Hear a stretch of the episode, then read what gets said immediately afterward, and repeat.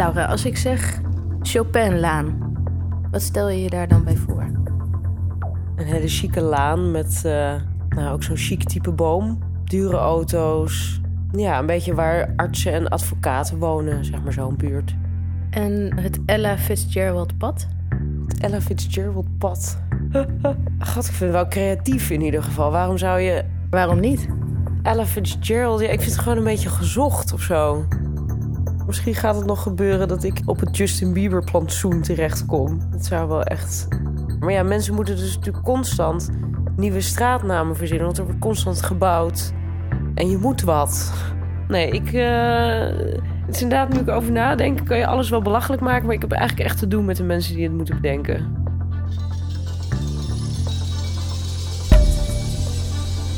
Ongesigneerd. Een serie over onopvallend design. Als je een stad of een dorp bekijkt op een Nederlandse wegenkaart en die kluwen van straatnamen ziet, dan zeggen die iets over de plaats waar je bent. Ze laten iets zien van de geschiedenis en vertellen je welke helden er belangrijk zijn. In zekere zin geven straatnamen dus vorm aan de stad. En ze blijven eeuwen bestaan. Best belangrijk om een goede te verzinnen dus. Maar hoe doe je dat? Straks steek ik mijn licht op bij een hedendaags ontwerper van straatnamen. Wat ik zelf ook een hele mooie vond, dat was het thema dierenverblijven. Maar eerst wil ik wat meer weten over oude straatnamen. Hoe die door de eeuwen heen zijn vormgegeven en wat ze zeggen over een dorp of een stad. En als je ziet een, een nieuwe straat, dan weet je al dat is een hele oude straat. In een donker kamertje van het erfgoeddepot van de gemeente Breda, tussen de vitrines met opgegraven potscherven, werkt Gerard Otte. Hij weet heel veel over straatnamen in Nederland. Waar die interesse vandaan komt? Ja, een moeilijke vraag. Dat, dat uh, is gewoon de belangstelling voor geschiedenis. En uh, als je belangstelling voor geschiedenis, is natuurlijk straatnamen iets dat heel dichtbij is. Hè? Je ziet gewoon een naam staan, een rare naam op een straatnaambord. En dan vraag je je af, ja, waar komt dit nou vandaan? Hè? Even naar het allereerste begin, de 13e eeuw. In de steden was het handig als je kon verwijzen naar bepaalde plekken. Dus kregen straten in de volksmond een naam. Dus we hebben het over de Markt, de Kerkstraat, de Brugstraat, van die voor de hand liggende namen. De Nieuwstraat stamt waarschijnlijk ook uit deze tijd. Op een gegeven moment zeggen ze, we gaan wat klein uitbreiding plegen en dan heet dat zo'n zo straat al gauw de Nieuwstraat. Maar tegenwoordig kun je moeilijk elke straat een Nieuwstraat noemen. In de Gouden Eeuw groeit vooral Amsterdam erg snel. En daar redden ze het niet meer met namen die in de volksmond ontstaan. Daar gaat voor het eerst het stadsbestuur zich bezighouden met de naamgeving.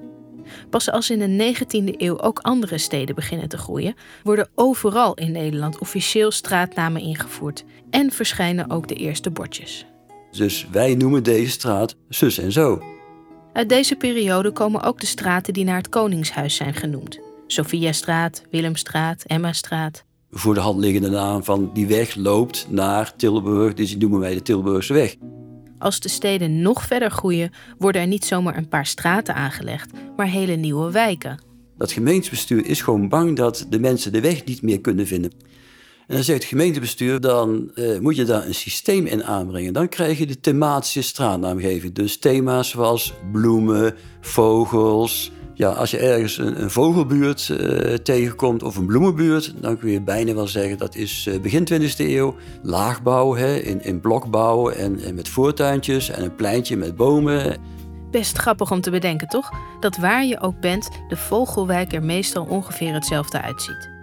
Maar tegelijkertijd is de overheid in Nederland er ook op gespeeld te doen aan nation building. Dus je zegt van wij willen iedereen ervan doordringen dat Nederland belangrijk is. En Michiel de Ruiter heeft een voorbeeldfunctie. Dus je maakt een zeeheldenbuurt met een Michiel de Ruiterstraat en een Tromstraat en een Van Galenstraat. Behalve op zijn zeehelden is Nederland ook trots op zijn dichters en schrijvers en schilders. En zo krijg je dus de Vondelstraten, de Brederode straten en de Van Goghlanen en dan halverwege de 20e eeuw. Kennedy-laan is uit de jaren 60. Het is meestal zo'n stadsautoweg. Uh, met een groenstrookje in het midden, met hele grote lantaarnpalen, met van die masten die dus boven de weg hangen. En meestal in zo'n uh, typische jaren 60 wijk met flatgebouwen en, en doorzonwoningen. En in de jaren 90 zie je dat er ineens wat meer voetballers op de straat naar boven komen. Tegenwoordig zijn voetballers dus de nieuwe helden. straatnamen zeggen dus veel over de tijdgeest, maar ook over het karakter van een stad. In Nederland zul je dus in Amsterdam eh, inderdaad wat meer socialisten hebben. En in Rotterdam en in andere steden wat eh, meer eh, bravere lieden met dubbele achternamen en zo. Straatnamen worden tegenwoordig bedacht door speciale straatnaamcommissies. Die adviseren het college van burgemeester en wethouders. Gerard Otte zit zelf in de straatnamencommissie van Breda, samen met onder andere een stedenbouwkundige, iemand van de post en iemand van de brandweer. Die moeten ervoor waken dat de naam niet te lang is en uitspreekbaar is als je 112 belt. Dus wat, wat lijstjes maken met eh, namen die in aanmerking zouden kunnen komen. En op de vergadering dan, dan hebben we het erover. Je laat het ook een beetje vallen zo. Hè? Zo van, oh, dit lijkt mij een aardige naam. En zeggen andere mensen, nee, doe toch maar niet. Net als in de meeste steden moet iemand in Breda minstens 10 jaar dood zijn voor er een straat naar hem genoemd wordt. Het is wel eens voorgekomen dat naar iemand een straatnaam werd genoemd. En dat weer wat later bleek dat die man niet helemaal van ontsproken gedrag was. De Stalinlaan in Amsterdam moest bijvoorbeeld na de inval van de Sovjet-Unie in Hongarije aangepast worden in de Vrijheidslaan. Verder heeft elke gemeente zijn eigen richtlijnen. In Breda verwijzen ze graag naar hoe het gebied er vroeger uitzag. In Amsterdam willen ze niet nog meer straten met namen van verzetshelden. En sinds 2014 vernoemen ze daar het liefst vrouwen, omdat die nog altijd het onderspit delven in het straatnamenbestand. In Leiden heb je om die reden zelfs een hele wijk met alleen maar vrouwennamen. Maar hoe gaat dat in de nieuwe steden en Phoenixwijken die de afgelopen decennia in Nederland gebouwd zijn, waar het karakter van de stad nog bedacht moet worden? Identiteit is in die Phoenixwijk heel erg belangrijk. Je denkt na over de identiteit al voor dus de eerste streep op papier staat. En dan begint het ook een beetje te wringen. Er wordt er gezegd van, vanuit stedenbouwkundigen en de ambtenaren die zich met beleid bezighouden van... kan het niet wat moderner? Hoe kom je tot zo'n moderne naam? Daarvoor ga ik langs bij de straatnaamcommissie die het de afgelopen jaren ongetwijfeld het drukst heeft gehad. Almere. Hallo, mijn naam is Kees Noordhoek. Ik ben lid van de commissie Naamgeving van de gemeente Almere. In het dagelijks leven is Noordhoek accountmanager en schrijft hij gedichten. Maar ik noem mezelf geen dichter hoor. Ik ben iemand die liefhebbert in gedichten. Op een dag zag hij een vacature staan in het plaatselijk suffertje. En ik dacht van, god, dat is leuk. Je draagt op een heel, weliswaar kleinschalige manier, maar toch bij aan de, de identiteit en de uitstraling van een stad. Ik wil graag weten hoe de straatnaamcommissie dat doet, een naam verzinnen. Maar helaas ben ik niet welkom op een vergadering. Ze zijn besloten omdat we eh, met een creatief proces bezig zijn, in de loop waarvan ook een aantal vertrouwelijke zaken worden behandeld. Zo is de commissie nu bijvoorbeeld bezig met winnaars van een Olympische medaille. Dan ga je toch, eh, omdat het personen betreft, even checken van, goh, hoe is hun levensgeschiedenis geweest na het winnen van de medaille? Verder zijn er soms ook discussies over wie wel en niet een straatnaam verdient. De een die vindt toch dat dat een eh, volstrekt acceptabele figuur is en de ander is het daar gewoon diametraal tegenovergesteld niet mee eens. En dan is er nog een derde reden waarom ik er niet bij mag zijn. Een straatnaam die moet ook gewoon eh, klinken. En daar bedoel ik ook mee, hij moet uitspreekbaar zijn. Dat toetsen we gewoon tijdens zo'n eh, eh, commissievergadering. Dat levert natuurlijk allerhande eh, meer of minder komische, hilarische, dan wel erotische of sensuele associaties op. Daar, dat, dat lijkt gewoon niet, niet handig om dat in de openbaarheid te doen. Heeft u een voorbeeld van een straatnaam die een erotische associatie oplevert? Nou ja, een van de straten die heet de Jol Hulstraat. Persoonlijk vind ik het een buitengewoon ongelukkig klinkende naam. Maar de associatie met Jan Lulstraat die ligt natuurlijk erg eh, voor in de tong. Kees Noordhoek en zijn commissie worden ingeschakeld als de stedenbouwkundigen een plan hebben om in een bepaald gebied te gaan bouwen. Daar staan al heel voorzichtig wat lijntjes in getekend. Van nou, dit is de omvang van het gebied. Daar komen waarschijnlijk de eh, eerste grote doorgaande straten. En op dat moment dan kunnen we wel als naamgevingcommissie daarmee aan de slag gaan. In Leidse Rijn zijn er veel straatnamen die eindigen op weide, verwijzend naar de weilanden die er voorheen lagen. En in Winterswijk komt nu een nieuwbouwwijk die verwijst naar de voetbalclub die voorheen op die plek bestond. Helaas heeft die club te weinig sterren afgeleverd om er een wijk naar te vernoemen. Dus heeft de straatnaamcommissie in Winterswijk het maar gehouden bij straatnamen als Lat, Stip en Tribune. Omdat Almere pas sinds de jaren 70 bestaat en er voor die tijd geen voetbalclub, maar alleen maar water was, heeft de commissie vrij spel. Het kan in Almere. We hebben inderdaad een aantal straatnamen die zijn heel eigentijds. Bijvoorbeeld popmuzici, die hebben ook een plekje gevonden in de muziekwijk. Zoals het Ella Fitzgerald-pad dus. Dat is iets wat ik in weinig andere steden tegenkom.